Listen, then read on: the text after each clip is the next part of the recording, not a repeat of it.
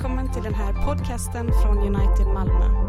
För mer information om oss besök uv.unitedmalmo.nu och följ oss på Twitter. Till det som får lida till kroppen har slutat synda, så att han den tid som är kvar inte längre lever efter människors begär utan efter Guds vilja. Det är nog med att ni förr levde på hedningarnas vis, i utsvävningar och begär, i fylleri, supkalas, i vilda fester och förbjudna avgudakulter. Därför är det förvånade och hånar er när ni, längre, in, när ni inte längre tillsammans med dem störtar er ned i samma ström av utsvävningar. Men det ska stå till svars inför honom som är redo att döma levande och döda. Till avsikten med att evangeliet predikades också för dem som nu är döda var att det visserligen skulle dömas kroppsligen som människor döms, men levande, men leva andligen liksom Gud lever. Slutet på allting är nära. Var därför förståndiga och nyktra så att ni kan be. Framför allt ska ni älska varandra innerligt, till kärleken överskyller många synder. Var gästfria mot varandra utan att klaga. Tjäna, var tjäna varandra, var och en med den nådegåva han har fått, som den goda förvaltaren av Guds mångfaldiga nåd. Om någon talar ska han tala i enlighet med Guds ord. Har någon en tjänst ska han tjäna efter den kraft Gud ger, så att Gud i allt blir ärad genom Jesus Kristus. Hans, hans äran och makten i, evigheterna, i evigheternas evighet. Amen. Detta är Guds ord till oss.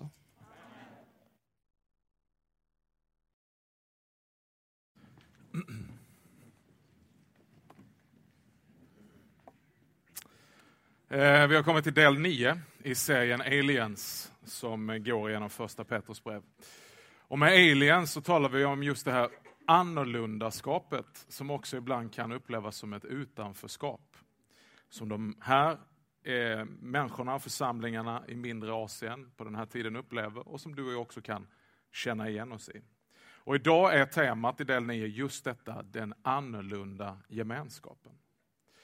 Eh, det är inte bara så att de känner sig annorlunda eller behandlas som om de vore annorlunda. De är de facto annorlunda. Och Det är också så med den kristna tron. Den kristna tron, hela poängen är att den ska göra oss annorlunda. Det vill säga att om du någon gång har hört dina arbetskamrater säga till dig att wow, det skulle jag aldrig kunna tro att du var kristen. Så kan det ligga någonting positivt i det, men grundläggande är det ingen komplimang. Utan hela tanken med den kristna tron är att den ska göra oss annorlunda, men kanske inte annorlunda på det där religiösa sättet som vi ibland kan kalla det. Präktiga sättet eller moraliska sättet enbart, utan det som främst gör oss annorlunda, det är evangelium.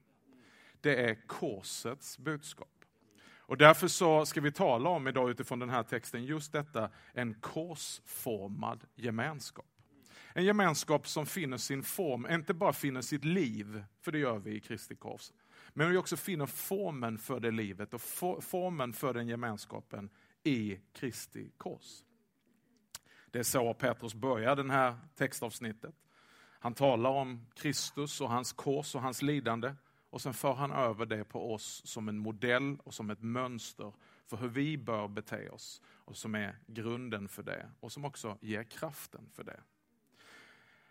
Och Det är det vi måste förstå, att Kristi lidande och hans död på korset, det inte bara frälser oss, utan det präglar oss.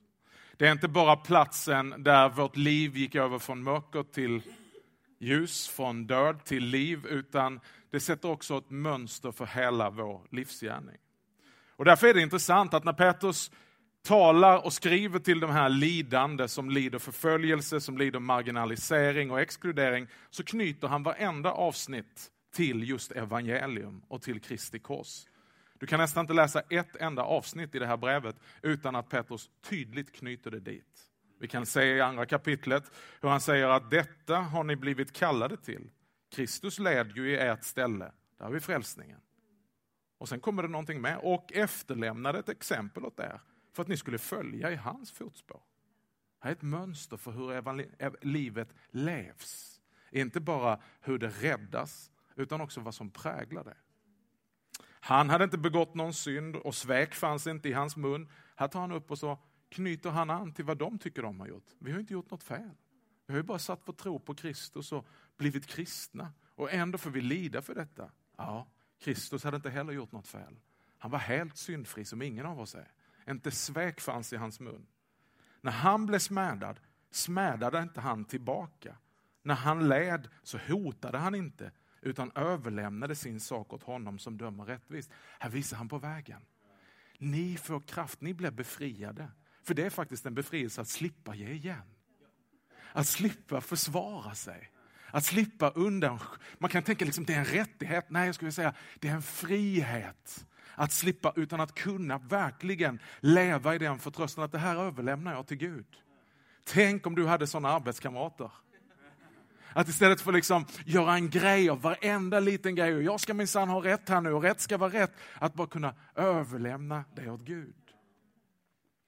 Kristus har visat oss denna vägen.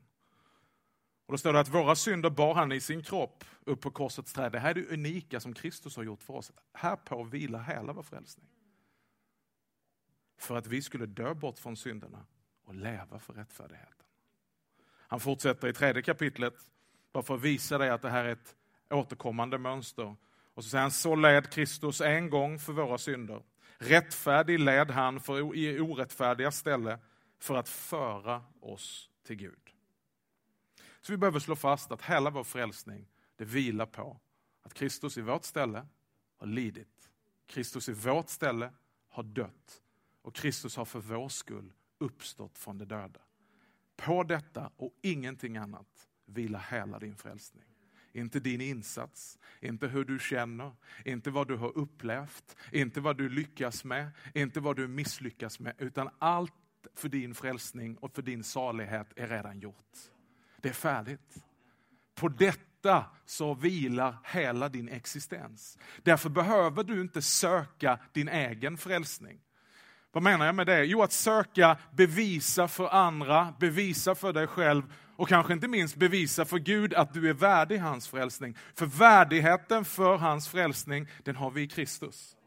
Kristus är värdig Guds godkännande. Och var är vi? Jo, vi är i Kristus och Kristus är i oss. Hela vår frälsning vilar på detta verk som Kristus har gjort och det skapar en enorm frihet. Att leva i det som redan är gjort för oss. Det betyder att vi behöver inte längre söka att förtjäna vår egen frälsning. Och då blir man ju fri. Fri och, och får massvis med tid. Att kunna betjäna min nästa istället. För du vet, det kan bli otroligt jag-centrerat och självupptaget om jag hela säger, är jag nu tillräckligt helgad? Är jag nu tillräckligt bra? Har jag nu bett tillräckligt? Och så håller jag på att göra det liksom i någon sorts e- evig strävan att förtjäna Guds välsignelse. Och då blir jag ju upptagen och jag blir stressad och jag blir spänd och ångestfylld och frustrerad och människor är bara i vägen för jag håller ju på här och frälsa mig. Men om jag istället bara får vila i detta, det är gjort. Det är fullbordat. Jag lever i resultatet av det Kristus har gjort för mig. Och det är inte så här, det står inte dualistiskt och säger liksom, för se hur det blir i tredje set här, avgörande. Utan matchen är slut. Han har uppstått från de döda. Han sitter på tronen. Du vet, då blir jag så vad ska jag göra nu? För det kan du ju tänka då. Ja, men vad i hela världen? Jag har ju kommit hit här nu för nu ska jag ju få hjälp med det här. Så, nej, nu är du färdig med dig själv. Utan nu kan du finnas till så att Kristus genom dig, på det sättet som Kristus levde sitt liv, kan finnas där för att tjäna vår nästa. Och då säger men hur ska du gå, gå med mig? Ja, men du är färdig. Det är färdigt. Det här ska vi utveckla. Det är det här som gör oss till en annorlunda gemenskap. Vi ser här i första versen att när Petrus först har tagit ansats i detta underbara, Kristi kors, Kristi lidande, så vänder han det mot oss. Och sen på samma sätt ska också ni beväpna er med samma sinne. Beväpna er. Bibeln är full av det här språkbruket. Hela Nya Testamentet talar om ikläd er, ta på er, frambär er själva, beväpna er. Det här är alltså ett sätt och ett tänkande, korsets tänkande, korsets mönster, som vi måste ikläda oss. Du vet, vi ikläder oss den rättfärdighet. Det här är evangeliet i ett nötskal. Jesus har levt det livet som ingen av oss har lyckats att leva. Jesus har dött den döden och tagit det straffet som alla syndare förtjänade. Jesus har uppstått från de döda så att vi alla ska kunna leva för evigt och att det finns ett liv efter graven. Allt detta är Kristi gärning. Det finns hos Kristus. Vad är det att bli frälst och ta emot evangelium? Det är att bli tillräknad allt det Kristus har gjort. Det räknas till mig. Och allt det jag har gjort, det sätts på Kristus. Det saliga bytet. Det är den bästa affär man någonsin kan göra. Allt jag har gjort, det får du ta skulden för. Allt du har lyckats med, det kan jag ta äran för. Det är frälsning. Detta ikläder vi, så först och främst då ikläder vi oss denna position inför Gud i dopet. När vi döps så säger vi så att det här livet jag lever, det går under, det begravs med Kristus.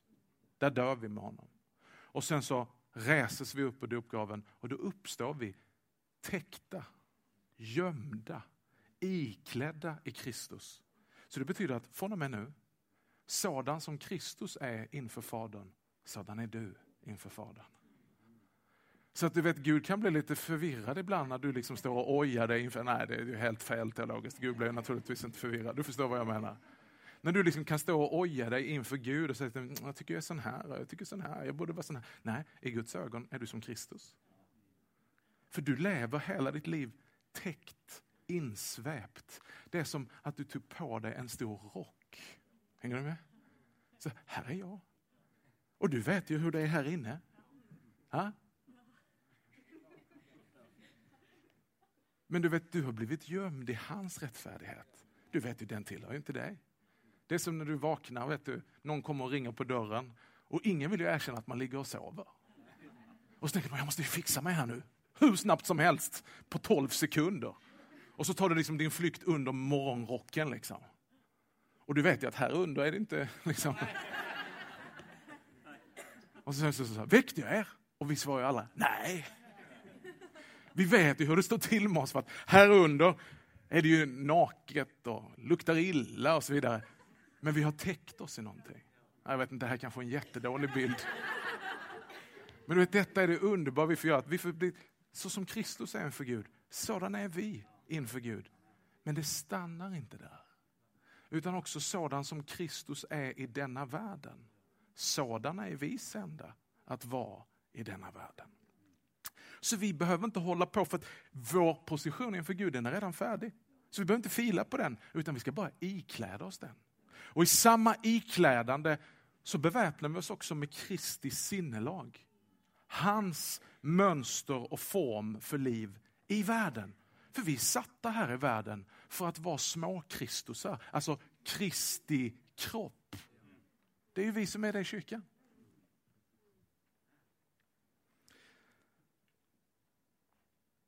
Hur var då Kristus? Hela sitt liv frambar han som ett offer. Till nästan förvillelse för de som följer honom. De vill att han ska vara kung. De vill att han ska vara sheriff. De vill att han ska bara ta för sig. De beter sig så, som om de är något speciellt.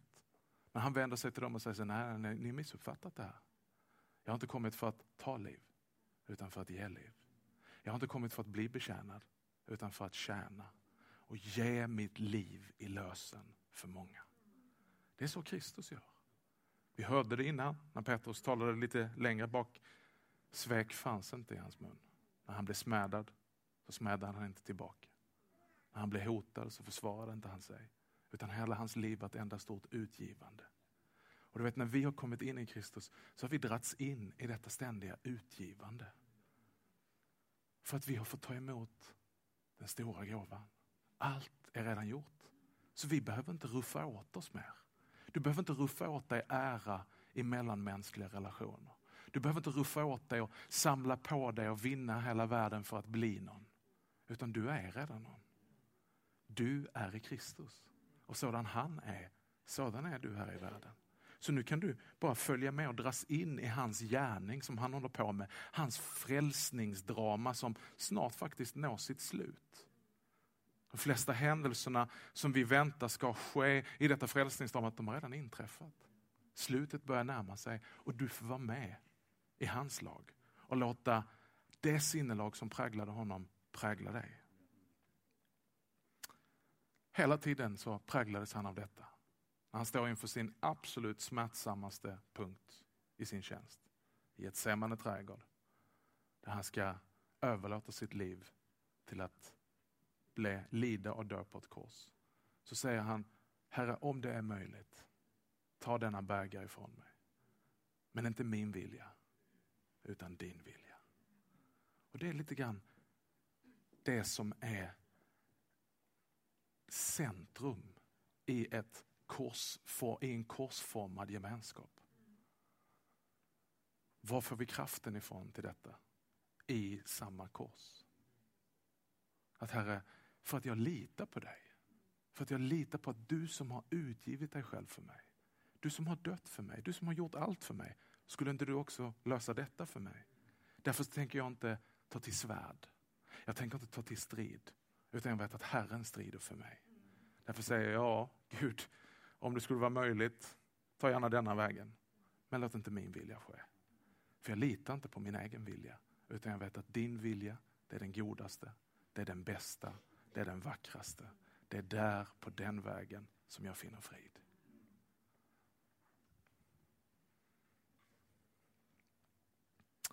Paulus säger att detta är som han, han är inne på samma tankegång om du läser Filipperbrevet 2. Han talar om vad som ska prägla den här gemenskapen. Istället för splittring och istället för att tänka på sig själv så ska vi vara så till sinnes som Kristus var. Hur var han då? Jo, han utgav sig själv, jag tror det kommer upp här på skärmen, genom att anta en kärnans gestalt. Då han blev människa. Han som till det yttre var som en människa, ödmjukade sig och blev lydig ända till döden, döden på ett kors. Du kommer känna igen detta när vi går in i dagens text. Att det är precis det livet handlar om att tjäna. Men hur ska jag ha tid att tjäna? Om jag har fullt upp att försöka förtjäna. Befrielsen ligger i, inte att jag ska nu peppa oss alla att göra goda gärningar. Liksom, säg något snällt till grannen och gör det och tänk på att du kan göra så här och, och det kommer att kännas jättebra. Nej, nej, nej. Befrielsen är när jag själv får bli drabbad av korset. Där korset, det är allt jag håller vid. Där finns friheten. Friheten att då kunna tjäna andra. Slutet på mitt försök att förtjäna Guds gillande eller människors gillande. Du vet det gudlösa livet, det är utan Gud och utan kors. Det präglas ju av självförverkligande, av tillbedjande av jaget. Allt handlar om oss själva. Hur folk ska uppfatta oss själva. Vad folk ska tycka om oss. Hur vi ser ut och hur andra tycker att vi ser ut. Om vi passar in, om vi är omtyckta. Alltså det är väldigt mycket, hela livet, massor med frågor kan du identifiera. Det bara snurrar runt dig själv. Och därför är det så underbart att när Gud frälser oss så frälser han oss från oss själva. Det här behöver vi påminna oss om. För har du märkt det att även om du blev frälst ifrån dig själv igår så vaknar du full av dig själv idag. Därför så behöver vi ständigt just väpna oss med detta sättet. Ikläda oss Kristi kors. Du vet när vi gör korstecknet så är det inte en religiös symbol bara. Utan det är precis detta som Jesus säger. Att var och en som vill följa mig, han måste förneka sig själv och sätta på sig sitt kors. För den som söker att vinna sitt liv, han kommer till att mista det. Men den som för min skull och evangeliets skull mister det, han ska finna det. Och så kopplar han det så säger han direkt efter, vad hjälper det er om ni vinner hela världen? Alla likes som finns på Facebook och alla likes och promotions som går att finna på arbetsplatsen. Om du ändå förlorar ditt liv. Därför så påminner vi oss, just det, Gud, nu tar jag på mig mitt kors. Jag följer dig och där i finner jag friheten. För jag har ju redan dött. Och det liv jag lever nu, det lever Kristus genom mig. Jag har blivit indragen i din frälsargärning. Och du verkar nu genom mig. Och hur verkar du? Jo, genom att utge sig själv och ta skepnad av en tjänare. Och inte smäda tillbaka när jag blir smädad. Inte liksom ta till vapen när jag blir förföljd. Utan lida för Kristi skull. För att föra människor till Gud.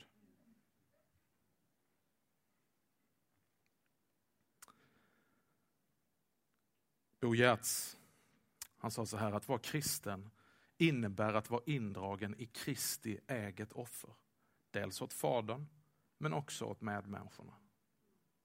Och då säger så, vad blev det av mig själv? Det är det som du måste förstå, att det är det som är befrielsen i evangelium. Att vi, vi liksom blir inte upptagna av oss själva. Utan vi lever nu i två stycken riktningar som korset har. Va? Det här är det korsformade livet. Vi har nu blivit vertikalt försonade med Gud. Så vi lever, ära vare Gud i höjden. Och genom det så blir det frid på jorden. Och så sträcker vi ut horisontalt bland alla människor till vilka du har behag. Och där är jag. Smash, boom, bang. Utsträckt på korset. Och genom mig så får Gud ära. Och genom mig så utbreder Gud frid på jorden. Och Guds välbehag till alla människor. Det är bara den som har blivit försonad vertikalt med Gud som kan skapa frid mellan människor horisontalt. Romarbrevet 12 och 1, vi ska inte fastna här nu, men Paulus han säger ju precis det här. Så förmanar jag bröder vid Guds barmhärtighet, frambär era kroppar som ett levande och heligt offer som behagar Gud. Detta är gudstjänst. Detta är den korsformade gemenskapen. Och som jag sa innan, att den som blir fri att betjäna, du blir fri att betjäna när du har blivit befriad från att försöka förtjäna. Applikation. Petrus talar om fyra områden som detta påverkar. Som gör vår gemenskap annorlunda. Så det här är inte bara ideal. Det här är inte bara liksom kärnvärderingar för verksamheten United. Utan det här är hur evangeliet formar oss och faktiskt blir till hjälp för oss i vår gemenskap. Han tar upp att detta korset, att leva korsformat, det kommer till beröra och förändra hur vi ser på och hanterar våra begär, vår tid, våra relationer och meningen med livet. Låt oss titta på det snabbt innan vi slutar. Hur ser vi då och hanterar våra begär? Jo, det är nästa vers. Så att han den tid som är kvar inte längre lever efter människors begär utan efter Guds vilja. Här ser vi två stycken krafter som är i rörelse. Alla som är ärliga kan erkänna I know them all too well. Du känner att inför varje korsning du möter i livet så finns det en kraft som är ett begär som drar dig åt ett håll. En stark kraft. Men den som också har blivit och kommit in i Kristus, han har också en ny natur, en ny människa i sig, den heliga ande, som drar åt ett annat håll. Och du känner, varför skulle de, de kan de inte någon gång dra åt samma håll? Det är alltid går åt två håll, alltid. Och där, är den, där ligger kampen tills du dör. För då kommer du bara släpas med åt det hållet, han som lever.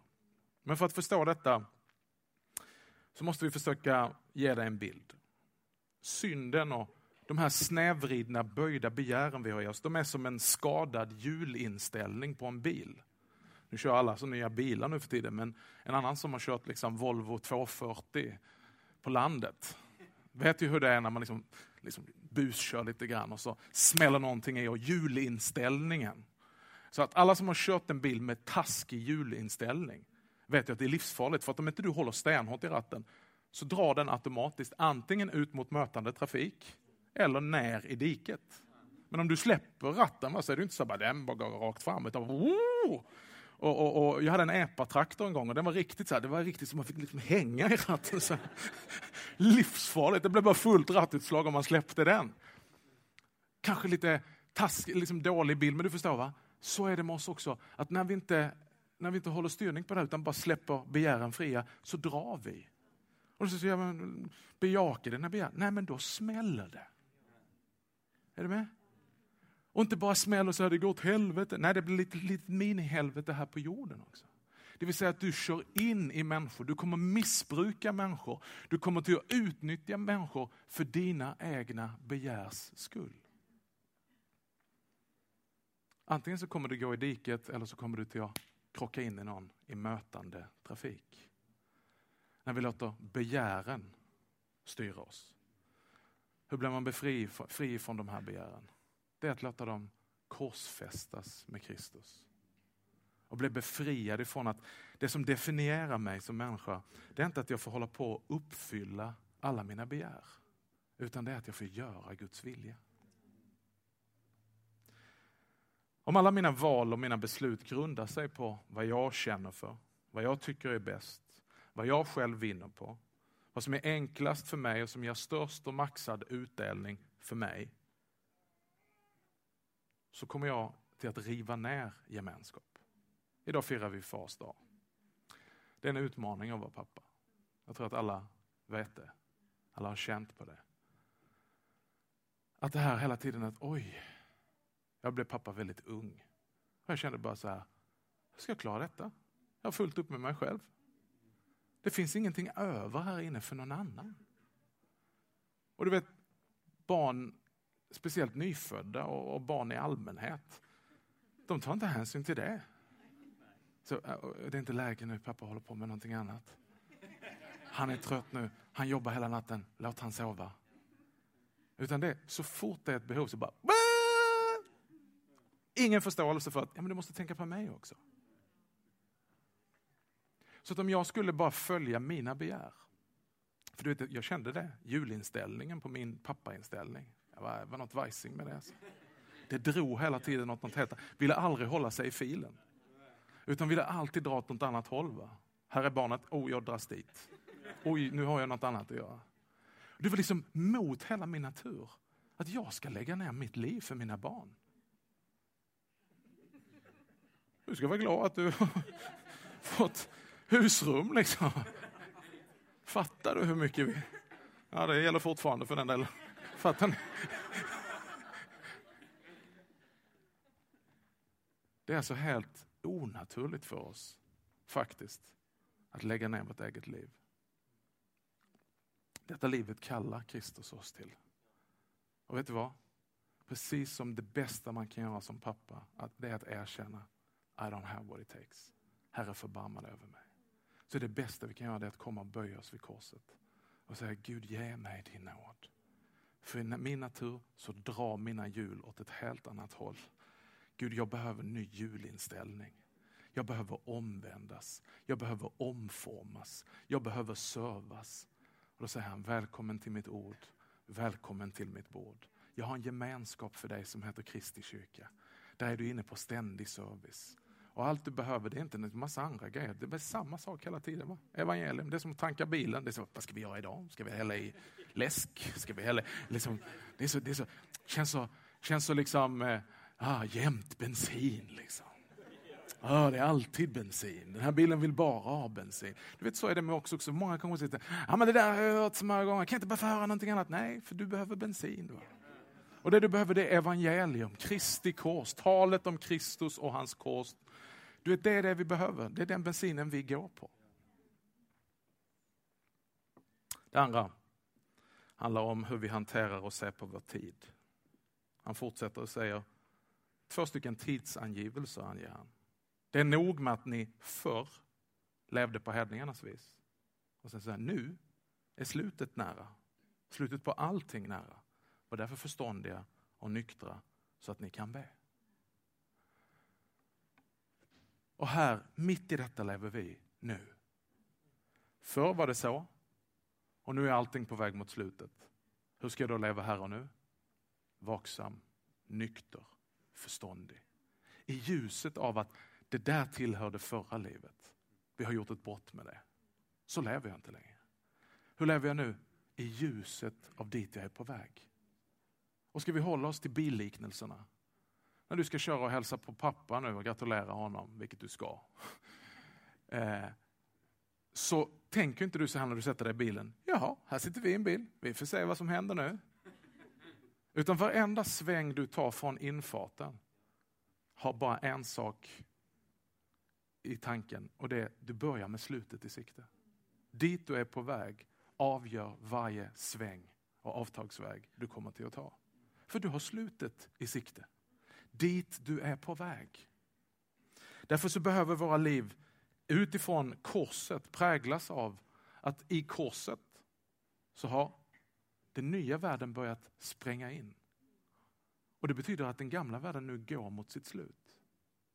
Och du vet, vårt hopp, hoppet om evigheten, som vi talar om väldigt mycket nu här under november månad, det är inget hot.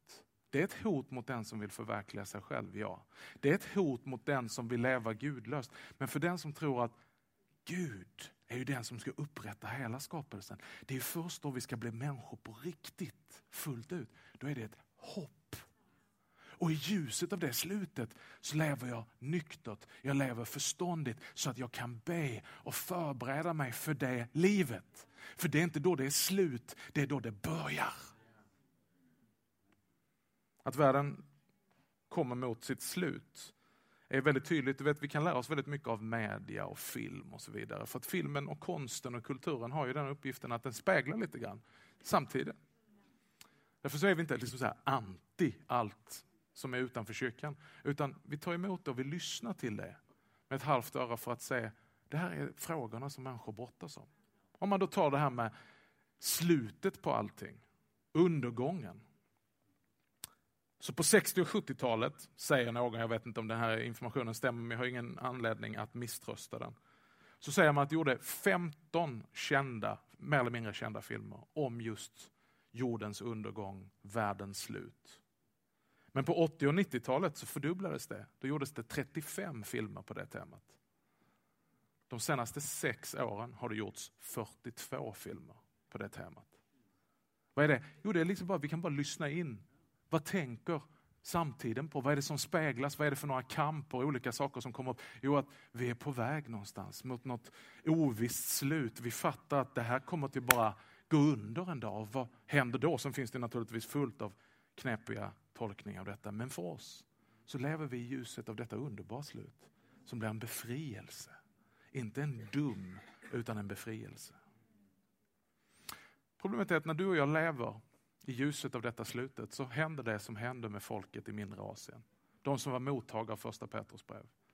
Det är att de kommer att behandlas, förföljas, hånas av människor utifrån att de tar beslut, inte grundat på sina nutida begär, utan i ljuset av slutet. Så de säger, vad håller ni på med? Varför lever ni på det där sättet? Varför hakar du inte med på detta? Och då säger första Petrus så här, därför att de är förvånade och hånar er. När ni inte längre tillsammans med dem störtar er ner i samma ström av utsvävningar. Men de ska stå till svars inför honom som är redo att döma levande och döda. Jag skulle vilja säga så här. Du och jag kan antingen välja att bli dömda här och nu av våra medmänniskor som inte förstår riktigt att vi inte kan bara göra vad vi känner för utan att vi styr vårt liv utifrån evighetens ljus. Men att bli frikända för evigt inför den stora domen, när Gud ska döma. Eller så kan vi välja att det viktigaste är att jag blir erkänd och frikänd av mina medmänniskor. Så de kan bara säga Woohoo! You're okay. Du är precis som vi. kommer de ändå inte att säga. kommer jag alltid att hitta något som är knäppet med det. Men att sen så får du betala för det i evigheten. Alltså det är väldigt enkelt. Pay now, play later. Eller play now and pay later. Sist men inte minst, hur påverkar det här korsformade gemenskapen det som faktiskt är centrum för gemenskapen? Nämligen våra relationer. Vers 10. Låt mig ge fem minuter till. Orkar du det? Tjäna varandra, var och en med den nådegåva han har fått som goda förvaltare av Guds mångfaldiga nåd, eller som det står i en annan översättning, Guds nåd i dess många former. Vi måste förstå att kyrkan och den här annorlunda gemenskapen är en nådesgemenskap. En nådesgemenskap bygger på att den bygger på Guds nåd. Men det är också en gemenskap som finns till där för att förmedla Guds nåd. Kyrkan är bärare, förvaltare och förmedlare av Guds nåd. Och ytterst sett naturligtvis genom ordet och bordet. Alltså kyrkans sakrament så förmedlar vi Guds nåd till världen. Här är Guds nåd och Guds nåd räcks dig. Just nu så upplever du hur Guds nåd räcks dig genom ordets förkunnelse. Och sen kommer du komma fram till nattvarden och Guds nåd räcks dig i form av bröd och vin. Men i en större bild så skulle vi kunna säga att egentligen är hela kyrkan sakramental till sitt väsen. Det vill säga att Gud använder fysiska medel, materia, ja faktiskt kött och blod, människor för att förmedla sin nåd. Du och jag behöver nåd för att leva detta livet. Vi behöver nåd när vi misslyckas att leva detta livet. Kyrkan är inte till för de som lever exakt så här. Kyrkan är till för de som misslyckas att leva så här.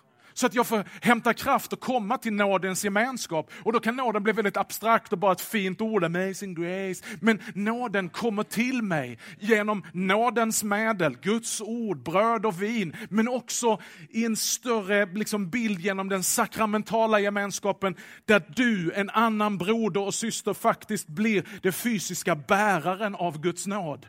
Så jag får möta denna nåden och få se Kristus, inte bara på en tavla eller en liten ikon, eller liksom för min inre bild och hur i hela världen ser han ut och var han brun, var han ljus, var han... Liksom, utan jag får se Kristus och det som präglar, präglar Kristus i dig.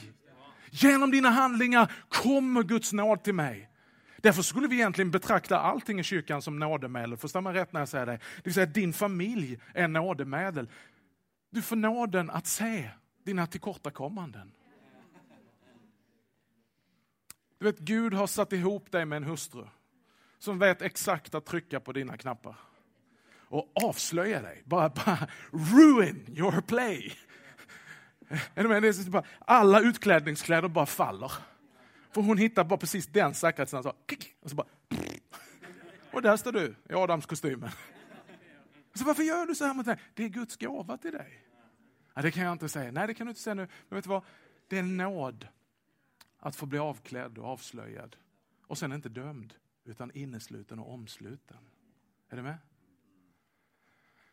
Så beskriver Petrus på ett vackert sätt att denna nådesgemenskap den präglas och byggs på Guds nåd.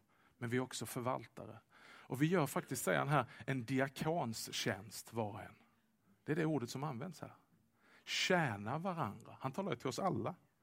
Alltså alla ska på ett sätt göra en diakonstjänst. Vad gör en diakon? En diakon förmedlar, bär Guds nåd till människor i nöd. Så vi är diakoner allihopa. Och förmedlar denna nåden. Genom att vara gästfria, genom att älska varandra, genom att tjäna varandra var och en med den gåva som vi har. Genom att tala Guds ord till varandra. Genom att be med och för varandra. Leva för varandra. Offra sig för varandra. Faktiskt beredd att lida för sin broder och tjäna dem. För att jag har blivit befriad att betjäna. För jag har slutat försöka förtjäna. Och allt detta landar i meningen med livet. Jo, att vi lever för att Gud ska bli ärad. Det är meningen med livet. Vad är meningen med livet för ditt liv? Ja, den är inte stor skillnad på meningen för ditt liv och meningen för mitt liv det är att i allt vi gör, med de gåvor som jag har fått att förvalta, på den plats där jag är, söker inte min ära, utan Guds ära. Att han i allt ska bli ärad.